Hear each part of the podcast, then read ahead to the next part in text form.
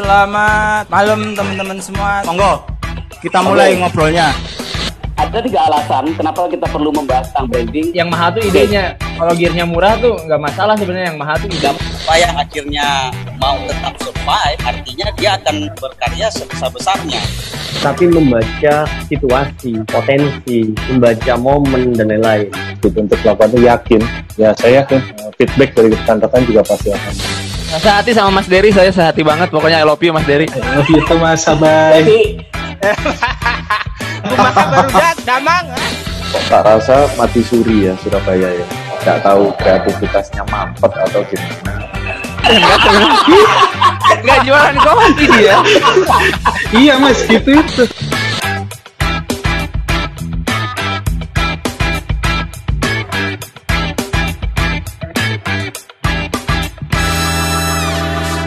Sing penting gacor cuy. cek cek. Halo selamat datang lagi teman-teman semua. Mohon maaf sempat kepotong karena keterbatasan durasi dari Instagram. Ini kemarin saya sudah email ke Instagram minta durasi langsung 4 jam tapi belum dibalas emailnya. Jadi mohon maaf malam ini masih kepotong lagi. Nanti saya email lagi. Oke eh, ke- kita review komen-komen sebelumnya dulu ya mas yoi jadi nanti tadi sampai sampai mana tadi? Sampai yang yang apa eh, menunya pelanggannya kurang suka ya, tidak puas dengan hasil. Terus ada Mas Adib Ea, salam kopai. Oke, salam kopai. Ada Mbak Titik 04 jadi kangen sama kompetisi karena kita tadi bahas kompetisi. Ibu jurinya kangen kompetisi, Rek. Terus ada pertanyaan dari Mas Adib Ea, salam kopi mau tanya, apakah ada standar khusus barista dengan kejelasan gaji biar para barista bisa berkompetisi baik? Ditanggapi? nanti aja nanti aja ketangkepi. Nanti aja. Terus tadi Mas Me- Mega 25 udah soal masalah passion. Terus ada Mas Bima, Mas Bima Arif Kurniawan sang pengen, pengen, pengenala kopi. Alah. Mau tanya profesi barista sekedar profesi atau pakai hati? Waduh, profesi Kalau pakai hati bisa baper nanti. Eh, terus ada Adela, terima kasih jawabannya. Lanjut dong, lanjut dong. Terus eh, Mbak Adela ini aktif banget kayaknya barista ini. Kak, kadang owner cafe mempertimbangkan gak sih kalau pelamar masih mahasiswa dan jika kalau ada tugas kuliah di HP apa masih memaklumi? Wah, kalau mahasiswa ini ya suka malan biasanya masih cal ini kalau mahasiswa ini. Waduh. malah nyari yang mahasiswa malah. Oke, lanjut. Tadi kita sampai mana kita ya? Ada Itu Mas Ali Adi Agung Sempurno Komplen. ngomong fans sama Mas Agusam. Siap. Alah, siap. Oh, Mas Edi Sampurno, salam, salam, salam. Tadi, tadi terakhir bahas masalah pelanggan yang tidak puas sama servis kita. Pela- oh iya, pelanggan yang tidak puas. Tadi jawaban Ical belum ya? Eh, gimana Cal? Menurutmu, menurutmu piye Cal? Nek ono pelanggan sing nggak puas. Sebenarnya aku dulu pernah tuh apa namanya eh, dapat customer kayak Mas Amir bilang. Jadi dulu pada marah-marah kan Mas. Eh, tak marah-marah sih. ya. Mas, aku minta extra hot ya. Gitu. Ya Pak. Habis diminum, eh, kok rasanya gini bilang gitu. Habis itu, ya Pak, bentar ya Pak. Akhirnya kita bikin yang sesuai standar. Nah, ini lebih enak. Itu Pak. Jadi baru kita bisa masuk tuh. Kalau nggak gitu, kita bakal yang kena komplain lagi kan gitu. Jadi Oh, jadi caranya seperti itu dibandingkan dengan yang sesuai standarnya. Jadi nggak yang masuk itu nggak bisa malah berapa lagi ini. Kitanya yang dipakai itu nanti.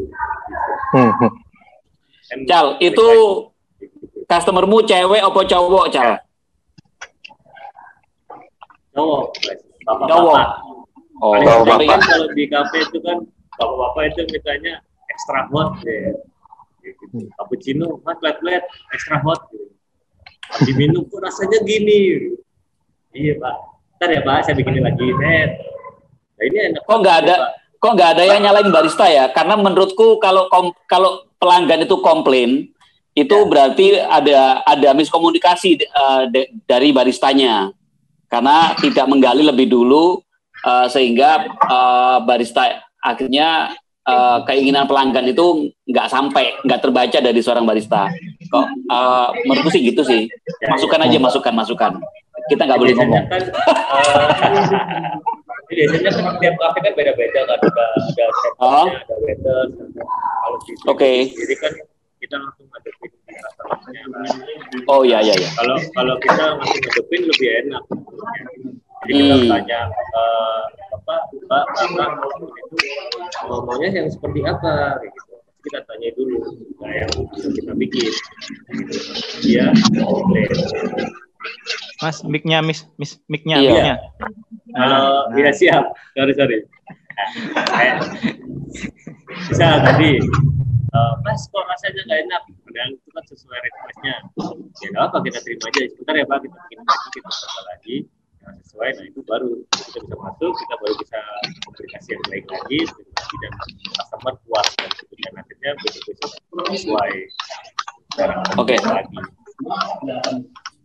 Bicara barista itu sebetulnya kalau menurut kita bicara barista itu kita bicara bicara potensi pasar karena eh, bagaimanapun juga barista itu tidak hanya sebagai seorang yang membuat kopi tapi dia juga menjadi penghubung sih eh, penyambung lidah dari kedai konsep kedainya ke pelanggan dan di situlah eh, seorang barista menjadi diingat dari oleh semua pelanggannya. Nah pertanyaannya eh, menurut yang yang tak lihat di Indonesia ini atau teman-teman di Surabaya atau di Jawa Timur itu barista lebih banyak fokus di balik di balik ini di balik apa namanya di balik bar.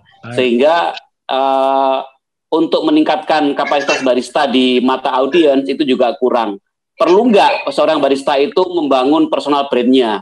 Jadi eh, karena selama ini yang saya lihat barista karena terlalu terlalu fokus di balik bar akhirnya lupa kalau profesi ini profesi yang yang memang perlu dibangun personal brandnya. Menurut kalian bagaimana? Eh, Maksudnya? Kak Amir dulu deh Kak Amir deh.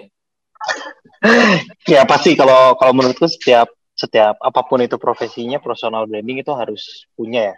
Karena itu nggak cuma sekedar ke dari kita ke customer atau ke klien itu juga kita ke atasan atau ke orang lain yang tidak berhubungan langsung secara ke kita gitu kan. Hmm. jadi menurutku setiap orang yang mesti memiliki personal branding masing-masing gitu kan. Tinggal kita menuju ke mana sih personal branding apakah personal branding yang baik atau personal branding yang buruk gitu kan. Itu sih. Oke. jadi menurutku ya barista ya wajib memiliki personal branding gitu. Nah, eh Cal, personal branding bagaimana? Yang itu yang itu bisa bisa meningkatkan lebih positif? Aku branding penting banget sih sebenarnya.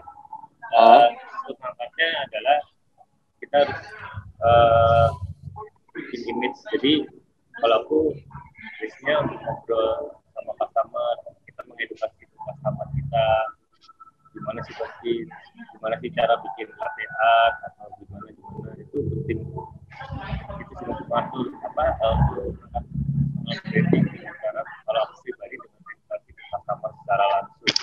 Dan di sosial media pun juga sama. Kita juga konsisten untuk mengedukasi juga para customer. Kayak gitu. Oke. Suaramu cilik banget. Suaramu cilik banget Kecil. sampai gini. ya, segitu. Oke, bicara Keren, bicara Dore. Keren kayak infus nggak kayak infus. tapi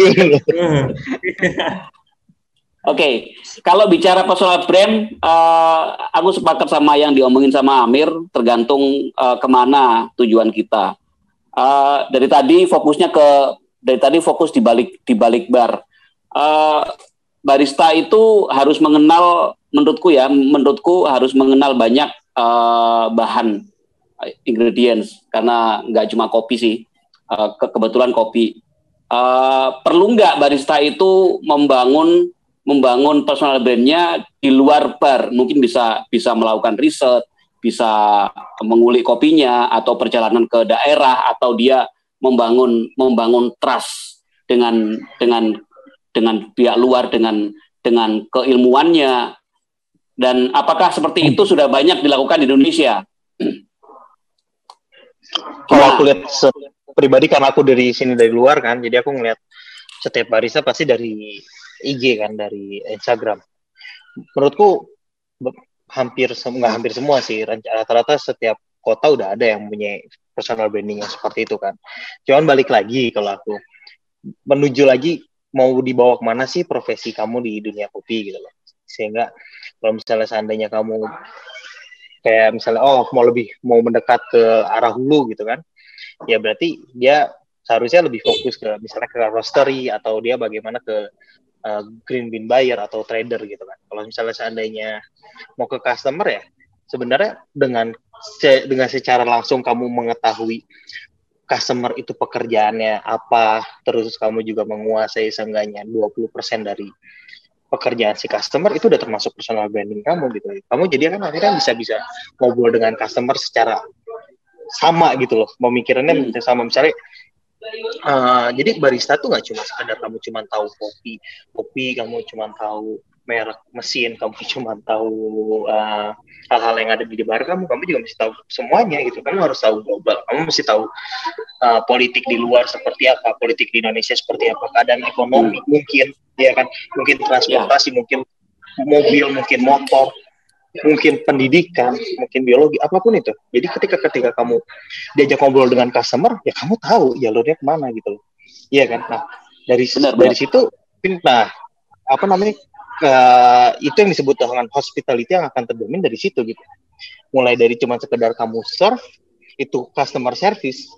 Ketika kamu udah ngobrol lagi itu baru hospitality yang sesungguhnya. Ketika kamu udah nyom, ketika kamu udah klop sama customernya, kamu tahu apa yang dibicarakan dengan customer dan kalian sambung, itu udah hospitality menurutku. Jadi selama ini orang cuma ngasih senyum, udah gitu ngerapihin gitu, itu cuma customer service Ya, ya, ya. customer worth untuk mendapatkan itu karena dia udah membayar. Tetapi ketika kamu udah misalnya kayak, eh, habis beli buku ini pak, wah aku juga pernah baca tuh dari penulis ini emang bagus orangnya gitu. Itu udah hospitality. Karena kamu care terhadap customer. Dengan bahasa dengan bahasa yang singkat, barista harus smart dan bisa meng- ya enggak. Iki ono Betul. langsung disaut, langsung disaut ambek Iya, tubruk susu. Bicara bicara personal brand langsung disaut. Bagaimana dengan kasus barista egois yang sok-sokan menutupi dirinya dengan personal branding? Maksudnya secara branding positif tapi eh, bertabrakan dengan konsep kedai dan timnya. Bagaimana ini? Kalau eh piye menurut menurutmu Jal?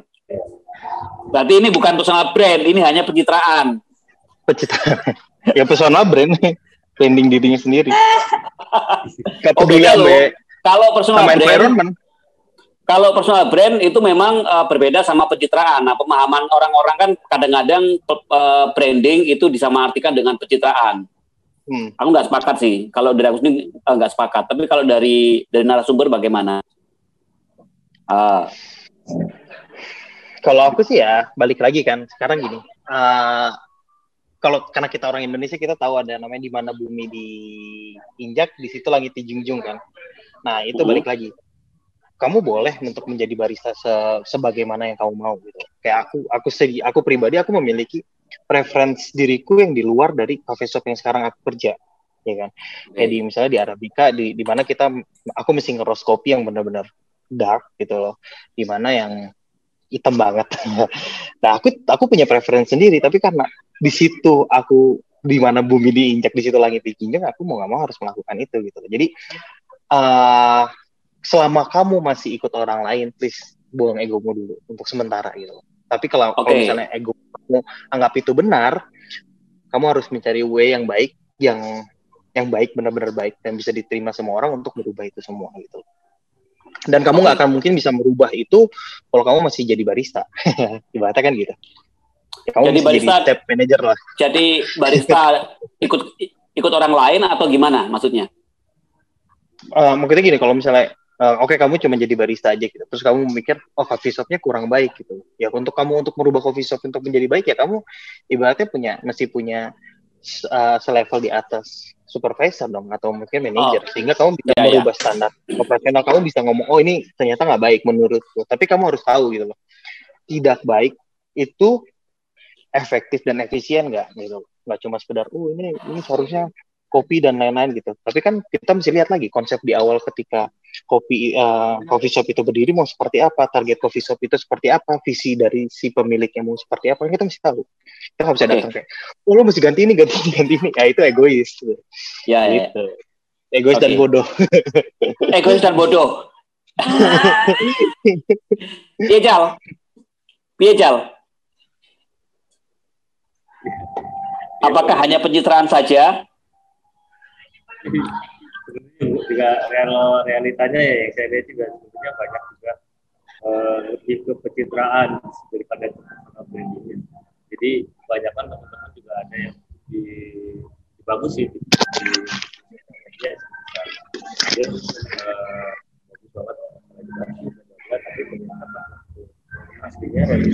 tapi. Soalnya paling eh, Gak kerungu ngomong apa kamu? Aduh, ya. Ngomongin nomor John nih. Apa?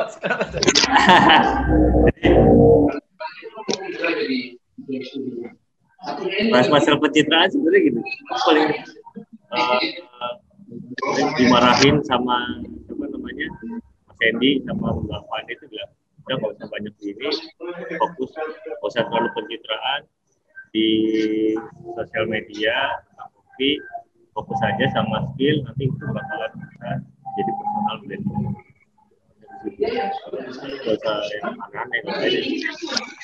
Dengar gak sih? Gak denger ya? Nah, sana cari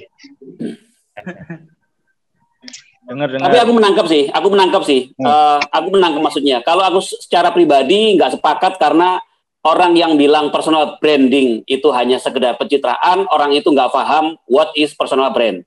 Dan itu hanya itu tidak mengetahui ilmu, se- tidak mengetahui pengetahuan secara secara objektif.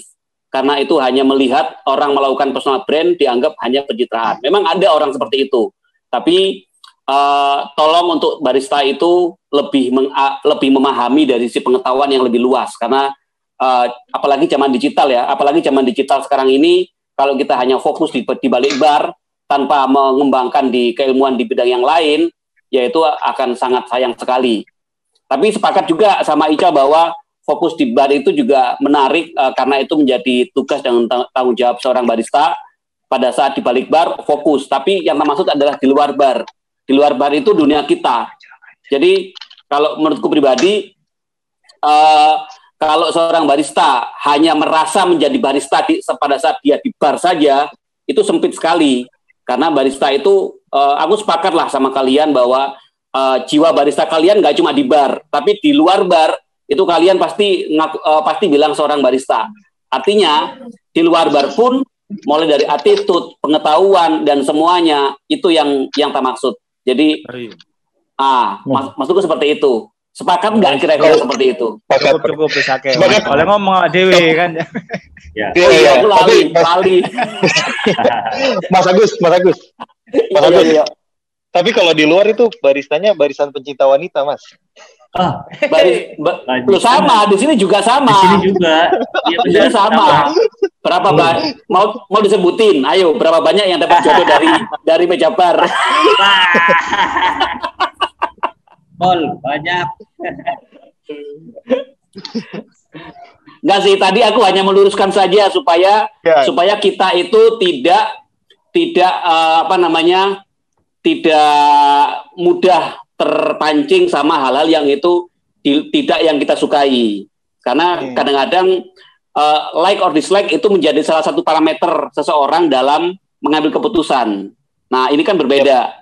Nah su- supaya kita di barista itu lebih lebih lebih fokus dan punya punya misinya sendiri-sendiri nggak cuma hanya bisa menyeduh kopi tapi juga bisa mengupgrade karena menurutku seperti ini uh, sayang sekali kalau barista itu hanya hanya sekedar mengulik kopi saja, padahal kopi itu kan hanya alat pembuka saja. Kopi hanya pintu masuk. Dari kopi kita bisa mendiskusikan banyak hal. Dari kopi kita bisa mendengar banyak hal. Dari kopi bisa melakukan apa saja. Nah, barista itu uh, yang yang ada di kepalaku seperti itu sih.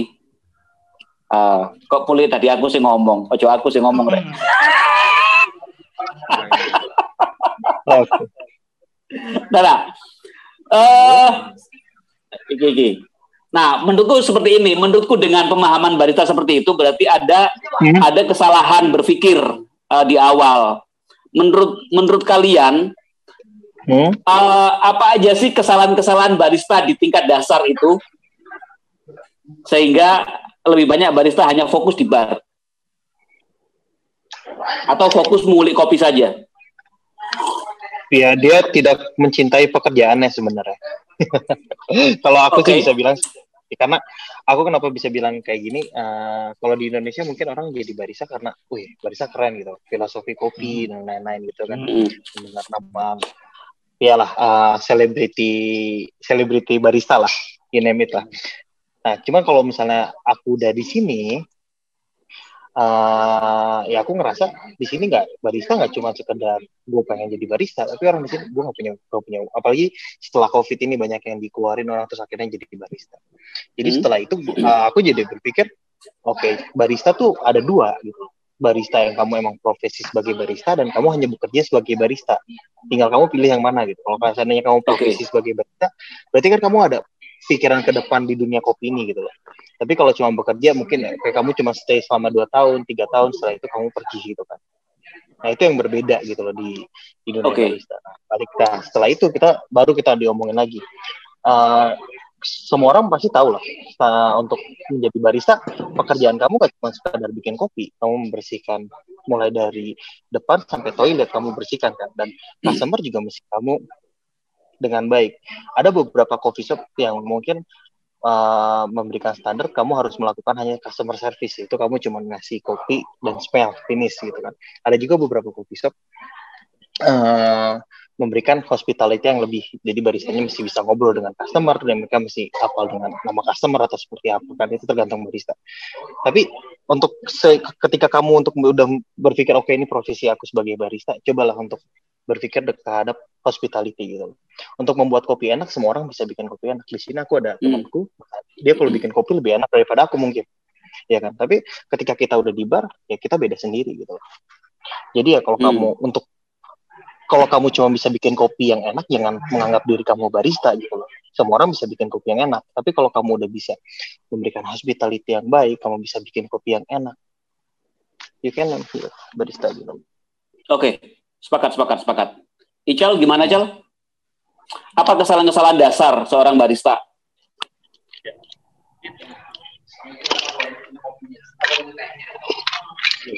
Uh, mungkin nambah aja sebenarnya sama. Cuma mungkin uh, barista ini fokusnya kalau jadi barista cuma fokus pada kopi kopi aja.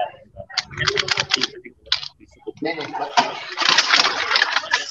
nah, kalau penting juga adalah barista tugasnya itu adalah uh, tahu stock of name inventorian itu penting banget soalnya.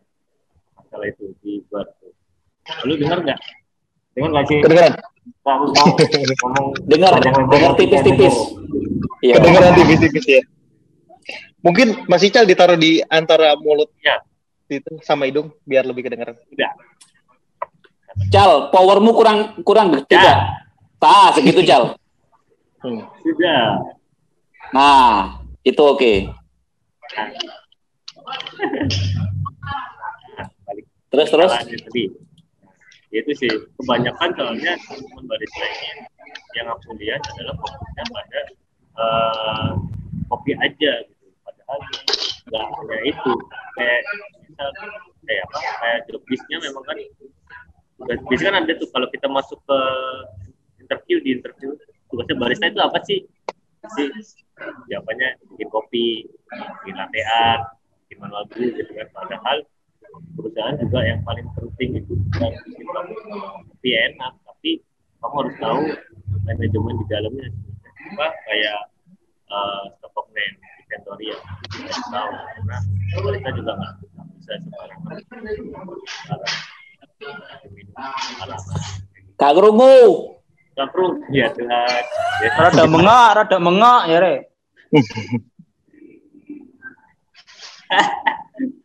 Nah, kalau kamu ketawa ngakak, jelas Sel. boleh kamu banter-banter ngerti boku mas Masih ngopi ning warung biar kabeh. iya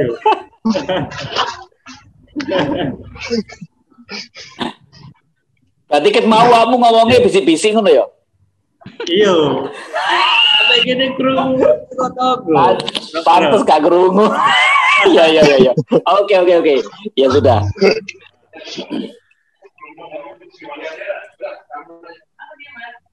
Terus, terus.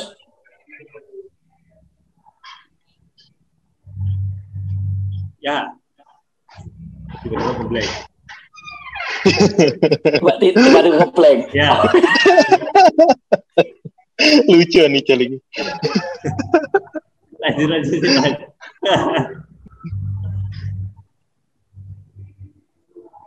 Nah Kalau udah mas? Ya, nah itu bagus, itu bagus. Itu bagus. bro bro aku mas. Ah, ya. Ya yang tadi diulangi lagi ya berarti ya boleh, Ya, boleh diulangi. Ya, ya, ya. Nah, jadi eh, mungkin yang harus diperhatikan pada barista ini adalah bukan eh, fokusnya pada bikin kopi enak aja sebenarnya jadi barista itu. Jadi eh, selain bikin kopi enak adalah eh, tadi yang disebutin sama Mas Amil itu benar semuanya. Dan mungkin ditambahin lagi adalah eh, kalian juga harus tahu inventory itu itu penting banget soalnya buat perusahaan dan sendiri biar juga rasa enaknya sendiri eh, bikin apa minum sendiri atau itu kan juga nggak baik buat. Hmm. Dengar nggak ya? Atau Dengar, masih dengar, dengar. kecil banget ya? Dengar, dengar, dengar, dengar. Kayak speaker ya Mas Agus. Oke, oke. Ya, ya. Eh, kembali ke kembali ke judul awal menja- barista prospek gak sih? Memang bari- barista itu prospek gak sih ke depannya itu atau saat inilah saat ini dan ke depan prospek gak menurut Mujal? Prospek Mas. Prospek Prospeknya ya opo? Prospeknya Oh, iya. ya opo? Ah, Oke. Nah, eh, menurutku prospek gak sih jadi barista? Pros- Prospek banget menurutku untuk ke depannya. Dan eh, bagi barista itu sebenarnya keuntungannya banyak banget sih. Kita juga eh, salah satunya bisa memanfaatkan skill barista kita untuk berwirausaha sendiri sebenarnya. Gitu. Terus depan eh, barista itu bagus banget sih. Soalnya dulu kan sempet, eh, barista juga nggak perlu diakui ya, dia kan bartender. Sekarang barista sudah dihargai dan untuk harga untuk salary sekarang sudah jauh banget dari dulu cuman dulu. Hmm. ya kan dulu aku masih dapat itu masih 10 juta ke bawah ya kan sekarang alhamdulillah sudah ini dan ke depannya mungkin bisa lebih lagi kayak gitu Hmm. karena karena di aku lihat di Surabaya sendiri kafe-kafe pun udah mulai banyak banget dan uh, bervariasi keren sih dan untuk salary udah pasti naik dan oke. uh, Amir. Amir Apa? prospek nggak Oke. Amir? Dan kalau prospek, apa yang membuatnya prospek? Gambarannya seperti apa? Oke, balik lagi kalau misalnya profesi sebagai barista bisa dua sih, antara prospek dan tidak prospek tergantung orangnya juga kan. Aku ntar Oke. udah ngejanjin oh prospek sekali, ternyata tidak prospek. Tapi balik lagi tenang. Mungkin kalau di industri kopi itu prospek ya, tapi kalau misalnya hanya sekedar sebagai barista aja tidak mungkin. Ya tidak prospek lah, namanya orang kan pasti akan bertambah lagi, bertambah lagi, bertambah lagi Hmm. gitu kan. Jadi ya balik lagi antara prospek dan tidak prospek ya kalau kamu tetap mau stay di barista aja ya tidak prospek. Ya kamu harus tetap memacu diri kamu untuk upgrade lagi, upgrade lagi, upgrade lagi. Jadi makanya aku lebih senang sebenarnya industri kopi daripada hanya sekedar mungkin barista aja atau roaster aja. Mungkin sekarang aku kayak dulu aku jadi barista selama tujuh tahun, terus sekarang tiba-tiba aku menjadi roaster gitu kan. Akan aku harus supaya aku bisa mendapatkan sesuatu yang menurutku prospek ya, aku harus upgrade diriku sendiri gitu loh. Mungkin soon aku nggak mungkin megang mesin lagi, aku bakalan ke yang lain. Itu supaya menjadi mendapatkan kata prospek untuk diriku sendiri gitu. Jadi Oke. uh, uh, kalau kamu udah terjun di dunia barista, ya pertahankan. Mungkin kalau buat teman-teman lebih baik di upgrade lagi. Kalian harus fokus lagi mau tahu ke mana sih ke depannya. Mungkin kalau misalnya kamu mau jadi manajer, udah makin banyak. Sekarang apalagi udah mulai banyak coffee shop coffee shop yang besar gitu kan. Terus kalau misalnya kamu mau jadi roastery, roaster, kamu harus lebih fokus lagi di roaster. Mungkin kalau kamu mau jadi green bean buyer, fokus lagi di green bean buyer. Kalau kamu hanya ingin di manajemen atau seperti apa ya, kamu fokus di manajemen atau mungkin marketing. Jadi kita jangan cuman lupakan bahwa sebenarnya di industri kopi ini nggak cuma barista, roaster, uh, petani, gitu kan. Tapi di industri kopi ini banyak hal gitu, kayak mulai dari orang marketingnya, ya kan. Terus teman-teman yang misalnya jual merchandise uh, kopi juga, atau teman-teman yang kayak teman tadi tubruk susu tuh dia juga bergerak di bidang podcast masalah kopi-kopian gitu Hmm. tinggal kamu mau ke mana ketika kamu udah menemukan profesi menurut kamu ini udah bagus untuk menuju prospek atau tidak prospeknya tinggal kamu yang membuat gitu kalau menurutku sih seperti itu tapi kalau selama ini Oke. aku bilang prospek prospek Oke, eh, aku sepakat sih. Cuman eh, kalau kita lihat barista dari hanya profesi saja itu terlalu sempit karena eh, bagaimanapun juga barista itu adalah mata rantai dari yang namanya eh, industri kopi. Dan barista ini nggak bisa kita nggak bisa kita indahkan begitu saja karena eh, secara posi- posisinya sangat penting, sangat strategis dan dia uh, prospeknya nggak cuma dari nggak cuma dari segi profesi atau salari atau atau industri saja, tapi banyak sekali yang itu bisa dikembangkan. Kalau barista bisa mengenali kopi atau mengenali ingredients yang lain, itu akan muncullah akan muncul ide-ide untuk membuat signature drink Betul. berdasarkan kearifan lokal. Itu yang belum terbentuk, uh, yang masih kecil sekali. Ah, nanti mas kenapa kenapa? Mungkin nanti ini kita lagi ini kita lagi foto-foto di sana kita lagi coba masukin kopi Indonesia tapi dengan Ah, ya gitu kita buat signature beverage kita dari kopi Indonesia bahannya Oke. kearifan Indonesia tapi kita jual di Kuwait Nah, nah ini ini yang eh, menurutku prospek itu nggak cuma dari segi salari saja, tapi hal-hal yang memang belum tergali sebelumnya. Karena Hmm. masih banyak yang belum kita gali, yang bel- yang belum banyak digali oleh seorang barista dari kopi, yang selama ini dari kopi saja. Dan itu eh, ke depan pasti akan semakin semakin dinamis eh, perubahan-perubahan itu. Dan di tangan barista lah itu semua akan terbongkar, bener nggak? Karena yang tadinya kita tidak mengenal mixology dari dari seorang barista, akhirnya kita kenal yang namanya uh, mixology, ya kan? Ah, pelan-pelan. Padahal dan kalau ngomong mixology, negara satu-satunya negara dengan ingredients paling banyak Indonesia. Sepakat nggak, Mir? rempah-rempahnya Ah, betul rempah-rempahnya rempah-rempah. aku sampai ya aku curhat ya curhat sedikit ya Ah. Pas sebelum di Indonesia kan aku sempat ngedalamin masalah mixologis kan di Arbanat salah satu coffee shop di Malang ya Hmm. di situ aku juga sempat kenal sama salah seorang mixologis mulai dari situ ya aku mulai belajar nah ketika aku ke sini aku mau coba bikin-bikin hal yang yang aku ajarin di Indonesia bingungnya yang nyari ininya nyari apa namanya nyari ingredientsnya itu Oke. susah ya. Padahal waktu di Indonesia ingredients ngewake ya, banyak dan nggak diotik. gitu. Iya.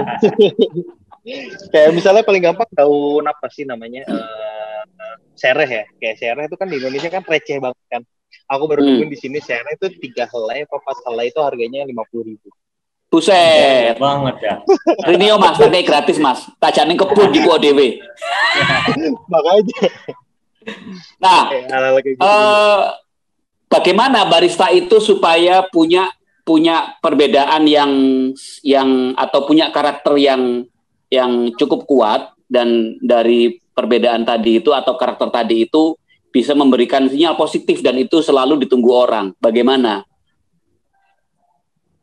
Hmm, menurutku ya dari personal dia sendiri sih kita nggak bisa memaksakan seseorang untuk menuju ke level itu ya.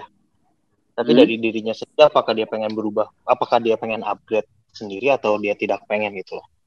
Cuman ya itu balik lagi kalau misalnya ketika kamu jadi barista ya, nah, kamu mas juga bilang tadi barista itu luas gitu loh, nggak cuman eh barista itu sempit, makanya aku lebih senang industri kopi. Industri kopi itu luas gitu loh. Jadi dari Betul. kopi itu dari kamu barista mungkin kamu bisa coba kayak mixologi. Sekarang lagi rame banget mixologi. Sekarang orang bikin signature beverage.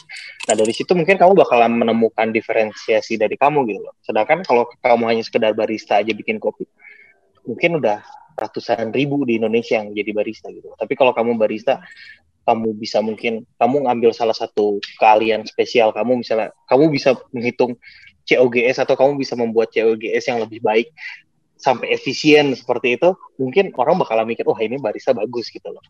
Gitu. Atau Oke mungkin oke. kamu bisa jadi barista bikin workflow yang baik dan seperti apa kamu bisa invented something ya itu jadi kamu lebih baik gitu. Jadi jangan jadi barista jangan cuma sekedar datang kerja bikin kopi pulang, datang kerja bikin kopi ngeluh masalah customer pulang gitu kan. Tapi ya Hmm. kamu harus invent something gitu. Oke. Ical? Si, si, aku tak aku tak siap-siap sih. Cewek ngecek gitu loh.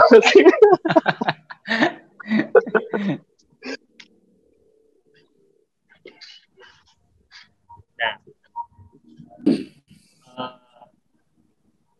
tadi itu kan masalah karakter ya. Jadi Ya. mungkin menurutku adalah ya, eh, dari dari yang berbeda dan itu harus konsisten ya termasuk juga bikin yang harus bisa ditonjolin. Misal kayak tadi eh, ngomongin signature sig- mixologi sekarang kan mixologi juga lagi naik juga kan dan ini baru pertama kali tahun ini sebenarnya kan ada kompetisi nasional juga. Kopi Iya. spirit itu kan ya. Hmm. mungkin dari situ teman-teman barista bisa bikin signature sendiri biar beda. Dan upgrade nggak hanya dari kopi juga tapi bisa bikin mixologi. Dan sekarang eh, kita juga bisa belajar dari bartender sih misalnya kalau mixologi itu juga basicnya dari bartender. Baru kita bisa olah dari barista sendiri. Jadi bikin berbeda dan konsisten itu Oke. Dengar gak sih? Cal. Dengar gak? Dengar, Dengar. Iya, iya, iya. Kerungu cal, kerungu cal. Tapi twipis. Iya, iya. Cal, ono sing takon cal. Ini. Untuk barista Iya, yang merasa, eh, untuk barista yang pernah merasakan stuck atau mentok dalam belajar itu bagaimana eh, mengatasinya? Karena eh, apakah itu karena kurang explore atau mungkin owner atau trainernya kurang membeli memberi ilmu baru? Iki barista kok jaga no ilmu yo. Barista Ya, kudu opo? kan Ya, opo? Kalau Ini dia- pertanyaan ini salah iki. Iya. Mentoknya Kamu stoknya oke, stoknya oke, tapi kalau barista me- menunggu eh, arahan dari trainer atau ilmu baru, iki eh, barista ini yo wajar nih stuck gitu ya. Benar. Tapi gini, tapi po- poin- eh, saya menangkap poinnya. Poinnya eh, setiap orang pasti pernah mengalami stuck, ya, Eh, jenuh, di titik jenuh. Nah, bagaimana eh, kalian berdua itu mengatasi eh, stuck, terutama pada saat mungkin pas sudah di titik jenuh, lagi di puncak bad mood dan harus menghadapi eh, orang atau menghadapi customer. Bagaimana mengatasinya? Mabuk, oh enggak. Mabuk, enak cuy. Iya, iya. Iya ya. Oke. Kopinya kopinya digeser diganti wine. Buyar le. Iya. Wah ini cangking dari plastik. Iya jal. Tapi kalau apa, oke, aku sendiri pernah juga pernah merasakan juga eh, stuck, stuck ya, gini-gini aja ya. Nah, akhirnya itu semua eh, kembali pada inisiatif kita sendiri. Eh, stucknya ini kenapa? Stucknya apa karena ilmunya di tempat itu ada atau gimana? Aku dulu mungkin di tempat itu aku belum dapat tambahan ilmunya akhirnya aku berinisiatif untuk mencari di luar dan akhirnya stuck itu nggak ada lagi malah oh ternyata mulai sedikit doang ya. jadi kita masih jauh lagi perjalanan. Dan itu bagus. jadi dari inisiatif sendiri kita stuck itu kenapa? Ini kalau stuck di, di tempat kerja ya kita keluar aja bukan keluar saja tapi kita coba ngobrol sama supaya bersatu kita kita curhat gitu kan. Jadi nggak bakalan ini stuck. Nggak denger ya Dengar, dengar. dengar dengar dengar dengar kok dengar kok sabar kok ah, Dewi sabar ya ya Kalau Ya, stuck ya. keluar aja dari kedainya katanya. betul oke Bos. Yo, lah kalau kalau eh, itu enak kalau dia masih kerja. Tapi kalau sudah pemilik kedai, merangkap barista, merangkap tukang sapu, kemudian stuck, bagaimana coba? Tutup aja visionnya. yo iya Enggak, itu itu ini Bang. nggak apa sih apa namanya? Ya kita uh, sebagai barista atau kayak kayak tadi tadi uh, ada saatnya kita memang harus rehat dulu. Kita refreshing dulu begitu biar nggak stuck. Uh, baru kita uh, coba melangkah lagi dengan kita sharing sharing aja sih sama teman partner kita biar nggak stuck. Ya kalau kita diem diem diem, diem sendiri bledes sebenarnya Jadi, Pak. Oke oke. Ke Amir. Nah, uh, kalau stuck pasti sih setiap setiap orang pasti pernah merasakan stuck. Aku juga sendiri uh, beberapa kali ya mulai dari dulu pas jadi barista stuck, terus mulai dari uh, trainer juga sempat stuck, poster juga stuck. Cara kalau aku ngatasinnya sih ya paling simpel ya tadi sih kata Pak Ical itu aku keluar lagi dari dari kerjaan, mungkin aku main ke tempat teman atau mungkin yang paling penting tuh kalau kamu jadi barista, kamu harus punya hobi sih sebenarnya harus punya hobi. Kita hobi yang di luar barista karena yang bikin kalian stuck tuh ya karena kalian berkutik dengan itu itu aja gitu. Nah, kalau aku sih emang kalau aku ya hobiku ya kadang bisa ngebantuin teman buat menghitung kayak uh, efektivitas uh, HPP atau efektivitas uh, pekerjaannya mereka gitu kan. Terus aku seneng ngitung-ngitung hitungan kayak uh, sales growth-nya seperti apa, terus uh, apa forecastingnya seperti apa. Nah itu yang buat biasanya kalau aku udah stuck misalnya nggak stres gitu aku cari kerjaan kayak gitu gitu loh. Atau ya itu. Jadi kamu harus cari hobi yang lain. Nah dari hobi yang lain mungkin rata-rata aku kalau misalnya aku ngerosting juga atau aku training gitu aku mendapatkan inisiatif misalnya training aku cari cara buat nge-training orang yang lebih efisien malah menemukannya di tempat yang lain gitu nggak nggak di kopi-kopian gitu Hmm. jadi ya itu kayak misalnya kamu seneng ngobrol ya coba ngobrol. Kamu seneng dengerin podcast dengerin podcast. Jadi pasti kalau misalnya stuck itu hal yang paling wa- wajar. Setiap orang pasti punya punya masalah itu gitu. Jadi jangan pernah nyalahin uh, orang lain kalau kalian stuck kayak misalnya karena trainer yang ngasih masukan baru. Eh kayak gitu-gitu ya. Ya itu sebenarnya kalian sendiri yang harus nyari gitu Barista itu kan masuk barista itu kan masuk masuk kategori jasa industri kreatif kan ya. Yep. Berarti latar belakang, berarti pondasi profesinya kan harus berlatar belakang kreativitas dulu. Bener nggak? Sepakat nggak? Nah, kalau eh, istilah orang-orang eh, orang-orang kreatif, orang-orang kreatif itu eh, tidak anti dengan stuck dan orang-orang kreatif kadang-kadang eh, tidak pernah tidak pernah menemukan menemukan dunia stagnan eh, stagnan karena sebelum stuck itu muncul biasanya sudah diantisipasi dengan kegiatan yang lain dulu. Ah, jadi eh, sepakat sama Bung Amir kalau barista itu stuck eh, kebanyakan hanya berkutat di kopi saja.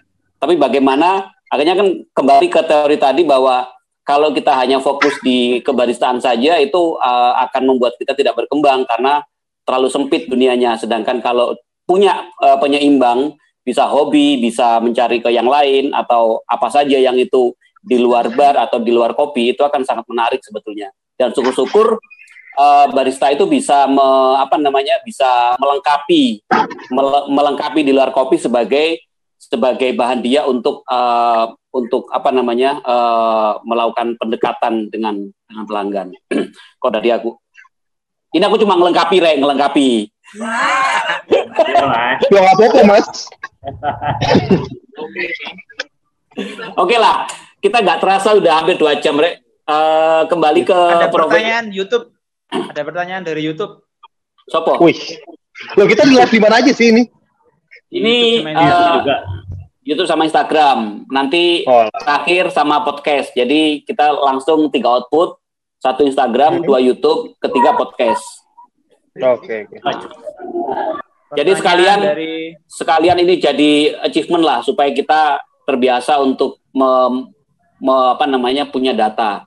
Siapa tahu nanti dari apa yang kita diskusikan itu teman-teman atau mungkin tahun-tahun depan atau kapan saja eh, yang bisa mendengar ini mendapatkan pandangan baru, mendapatkan wawasan baru, ya syukurlah. Kalau enggak ya nggak apa-apa. Yang penting kita gacor wae.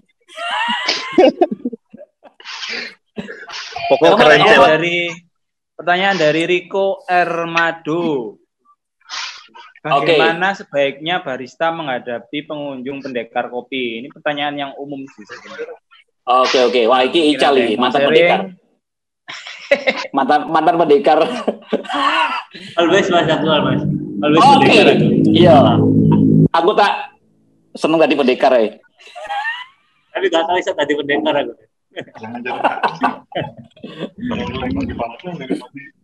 Ya, Bagaimana, kalau Jal? Pendekar gini.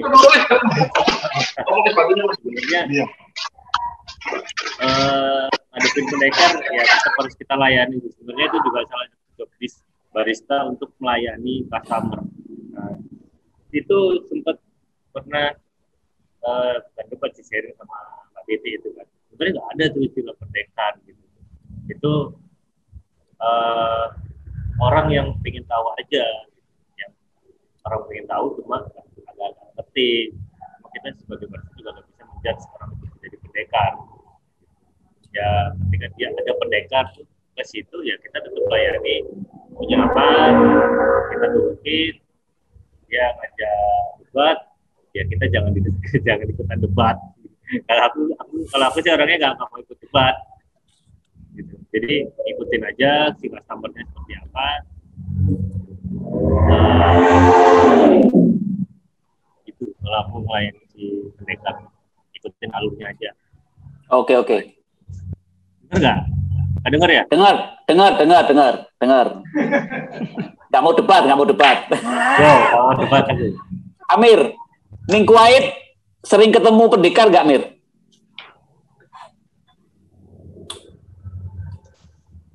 Sorry sorry di mute tadi rame. Ya. Ah, ya sering sering banget ketemu kayak pendekar-pendekar gitu ada aja yang disebut kayak ada orang datang terus tiba-tiba kayak "Ah, ini kopinya harusnya kayak gini gini gini menurutku ya wajar kan karena namanya customer sebenarnya tujuan dia melakukan itu sih sebenarnya kalau menurutku pribadi mungkin dia mencari celah supaya kita bisa ngobrol dengan dia gitu loh ya kan tinggal gimana kita nyikapin aja.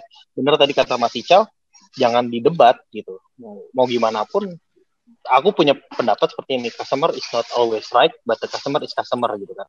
Jadi customer bukan raja customer bukan ya. Customer ya customer gitu. Jadi apa pun dia itu ya kita harus menghargai. Jadi ketika kita mereka bertanya kita jawab eh, sebisa mungkin kita bisa menjawab. Mungkin kalau misalnya seandainya dia bilang mau ganti resipi dan lain-lain. Oh ini mesti ganti resipinya gitu-gitu. Kita iyakan aja gitu loh. Kita nggak usah nggak usah sampai kayak nggak bisa ini kopinya harus gini. Nggak tapi ya oke gitu kan. Kita mengikuti itu sebagai saran mungkin gitu kan. Ya udahlah. Karena apa pun menurutku apa pun industrinya orang seperti itu pasti ada. Orang seperti itu pasti ada mungkin di ya di barista kah mungkin di bartender juga menemukan seperti itu mungkin di kitchen juga bakal menemukan seperti itu. Jadi ya untuk ini ba- apa pendekar nggak usah didebat ajak dia bicara dengan baik-baik. Kalau kamu udah capek ya bilang aja izin. Mohon maaf saya harus melakukan pekerjaan yang lain. Saya, undur diri dulu. Ya, seperti itu aja. Itu paling enak gitu kan itu paling sopan kan gitu kan. Kabur Iya. gitu Eh iya sih, sepakat sih. Cine cari ini Bung Endi, barista kan kudu pinter ngeles. Nah, Ical ini jago ngeles. Tapi eh, bener gak sih eh, barista itu memang eh, memang profesi yang yang memang harus bisa mendeliver apa pun ke audiens. maksudnya gimana ya kalau Ah, misalnya jadi- mendeliver pasti kalau menurutku ya pasti harus lah karena setiap coffee shop tuh setiap coffee shop atau setiap brand itu mereka punya core value ya dari setiap Hmm. setiap mereka ya. Nah itu sebagai barista kita harus bisa mendeliver gitu apa yang dimaksudkan dari kita gitu ke customer gitu. Tapi kalau misalnya dengan ada beberapa mungkin uh, confidential yang nggak boleh kita kasih tahu misalnya kayak resepi walaupun resepi itu mudah misalnya kayak ini cuma 15 gram air rasanya Hmm. segini segini kalau misalnya seandainya bosmu bilang gak usah dikasih tahu ya kalian jangan kasih tahu seperti itu gitu kan. Ya, ya. tapi kalau Itu misalnya dapur seandainya soalnya. ya itu dapur kalau misalnya bosmu pengen delivery lagi kayak misalnya kopinya di source dengan kopi pertanian yang terbaik di roasting dengan roaster yang baik atau dengan mesin yang baik gitu kalau kamu kalian bisa mendeliver deliver itu gitu loh kalau Oke. misalnya kalian ngerasa ini terlalu ter terlalu ya kalian pasti punya lah cara lain untuk mendeliver itu tanpa merugikan kedua belah pihak balik lagi gitu. Oke. Oke, Ical, piye Ical?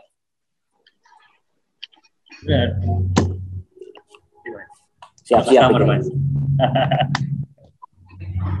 ya. Benar, apa namanya? eh untuk si customer itu juga nggak bisa untuk eh, SOP-nya juga sih. Kalau pribadi sih bebas aja selama dia ngasih tahu. Ya, nggak denger kan. Ya.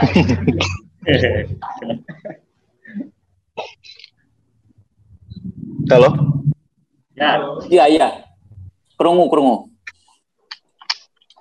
Iku tak blocking. jadi eh untuk itu memang harus caranya gimana sih ya ya itu tadi itu kita ngono kae lah. Iya mas bener oh, muter-muter dewe nek kene kok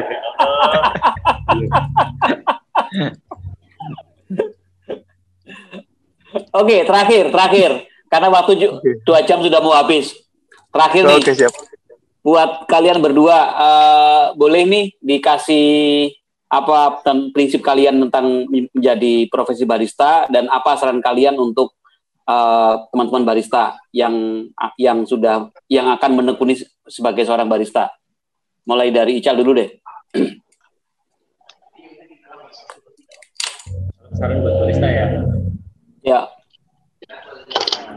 Eh, aku jadi barista eh, belajar semua tentang basic F&B terutama eh, tentang kopi, hospitality, manajemen semuanya harus di- dipelajari semuanya Eh, terus fokus itu harus selalu upgrade jangan sampai stuck kita upgrade upgrade terus biar kita bisa berkembang lebih baik lagi dengar nggak nggak dengar ya dengar, dengar, dengar, dengar. Aman, aman. Tipis. Enak banget lagi kayak.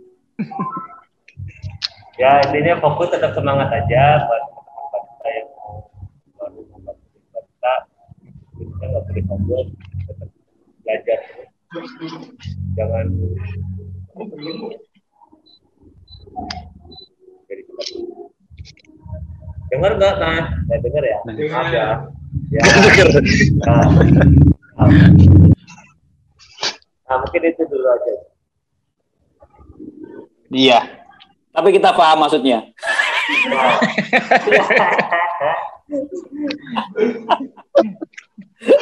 Oke, oke, oke, oke. Oke, terakhir Mir. Penutup. Apa? Eh, apa prinsipmu Saran ya? menjadi seorang barista dan saran buat teman-teman? Oke, kalau prinsipku di industri kopi ini sih ya intinya jangan jangan cepat puas sih kalau aku sendiri ya. Aku punya prinsip untuk tidak cepat puas dan selalu mempelajari apa pun itu ya walaupun di luar dari industri ini yang kira-kira bisa efek terhadap industri ini gitu. Terus kalau untuk saran-saran buat barista segera segera temui eh, fokusmu itu ke mana, tujuanmu sebagai barista atau di industri kopi itu seperti apa, kamu perbaiki, kamu poles itu semua, yang lain-lain betul kata Mas Ical mesti belajar juga, walaupun kalian nggak jago ya is oke gitu, tapi pastikan kalian jago di suatu tempat gitu, jadi sehingga kalian punya diferensiasi. Oke. Nah, itu tadi teman-teman eh, hasil diskusi kita selama hampir dua jam. Eh, barista prospekasi prospek banget karena eh, banyak sekali yang belum belum mampu kita gali secara maksimal dan eh, dengan menguasai ya wes ngono lah pokoknya pokoknya prospek banget api Iya. Iya. Wes ngono wae Oh, usah.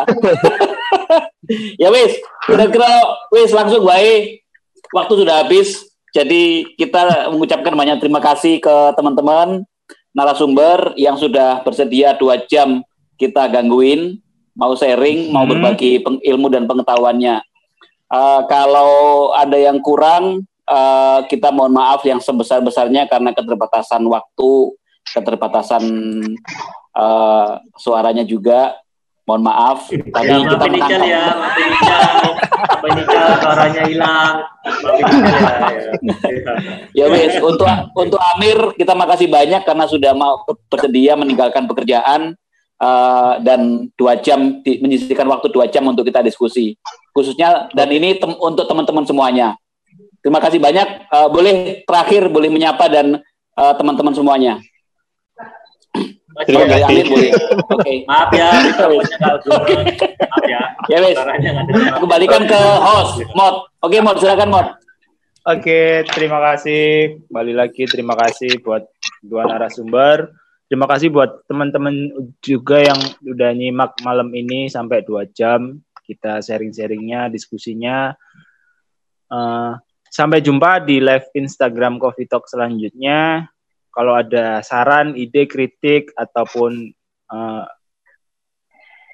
kita ide tema-tema yang pengen kita bahas bisa disampaikan lewat DM ataupun komen-komen di Instagramnya Coffee Talk. WhatsApp juga bisa, bebas lah. Kalau yang kalau ada yang mau sharing juga juga boleh. Kalau mau ada yang pengen sharing, misalnya udah berpengalaman jadi apa, jadi apa gitu, jadi pendekar juga bisa sharing-sharing. Boleh banget sharing-sharing di live Instagram Coffee Talk. Kita live-in nanti, oke? Oke, terima kasih eh, untuk giveaway-nya. Eh, besok atau lusa kita umumin ada tiga kopi dari Coffee Talk juga dari Mas Ical. Sebenarnya dari Mas Amir juga ada giveaway tapi kejauhan nggak sempat ngirim jadi kapan aja. Oke terima kasih selamat malam sampai jumpa. Wassalamualaikum warahmatullahi wabarakatuh. Closing.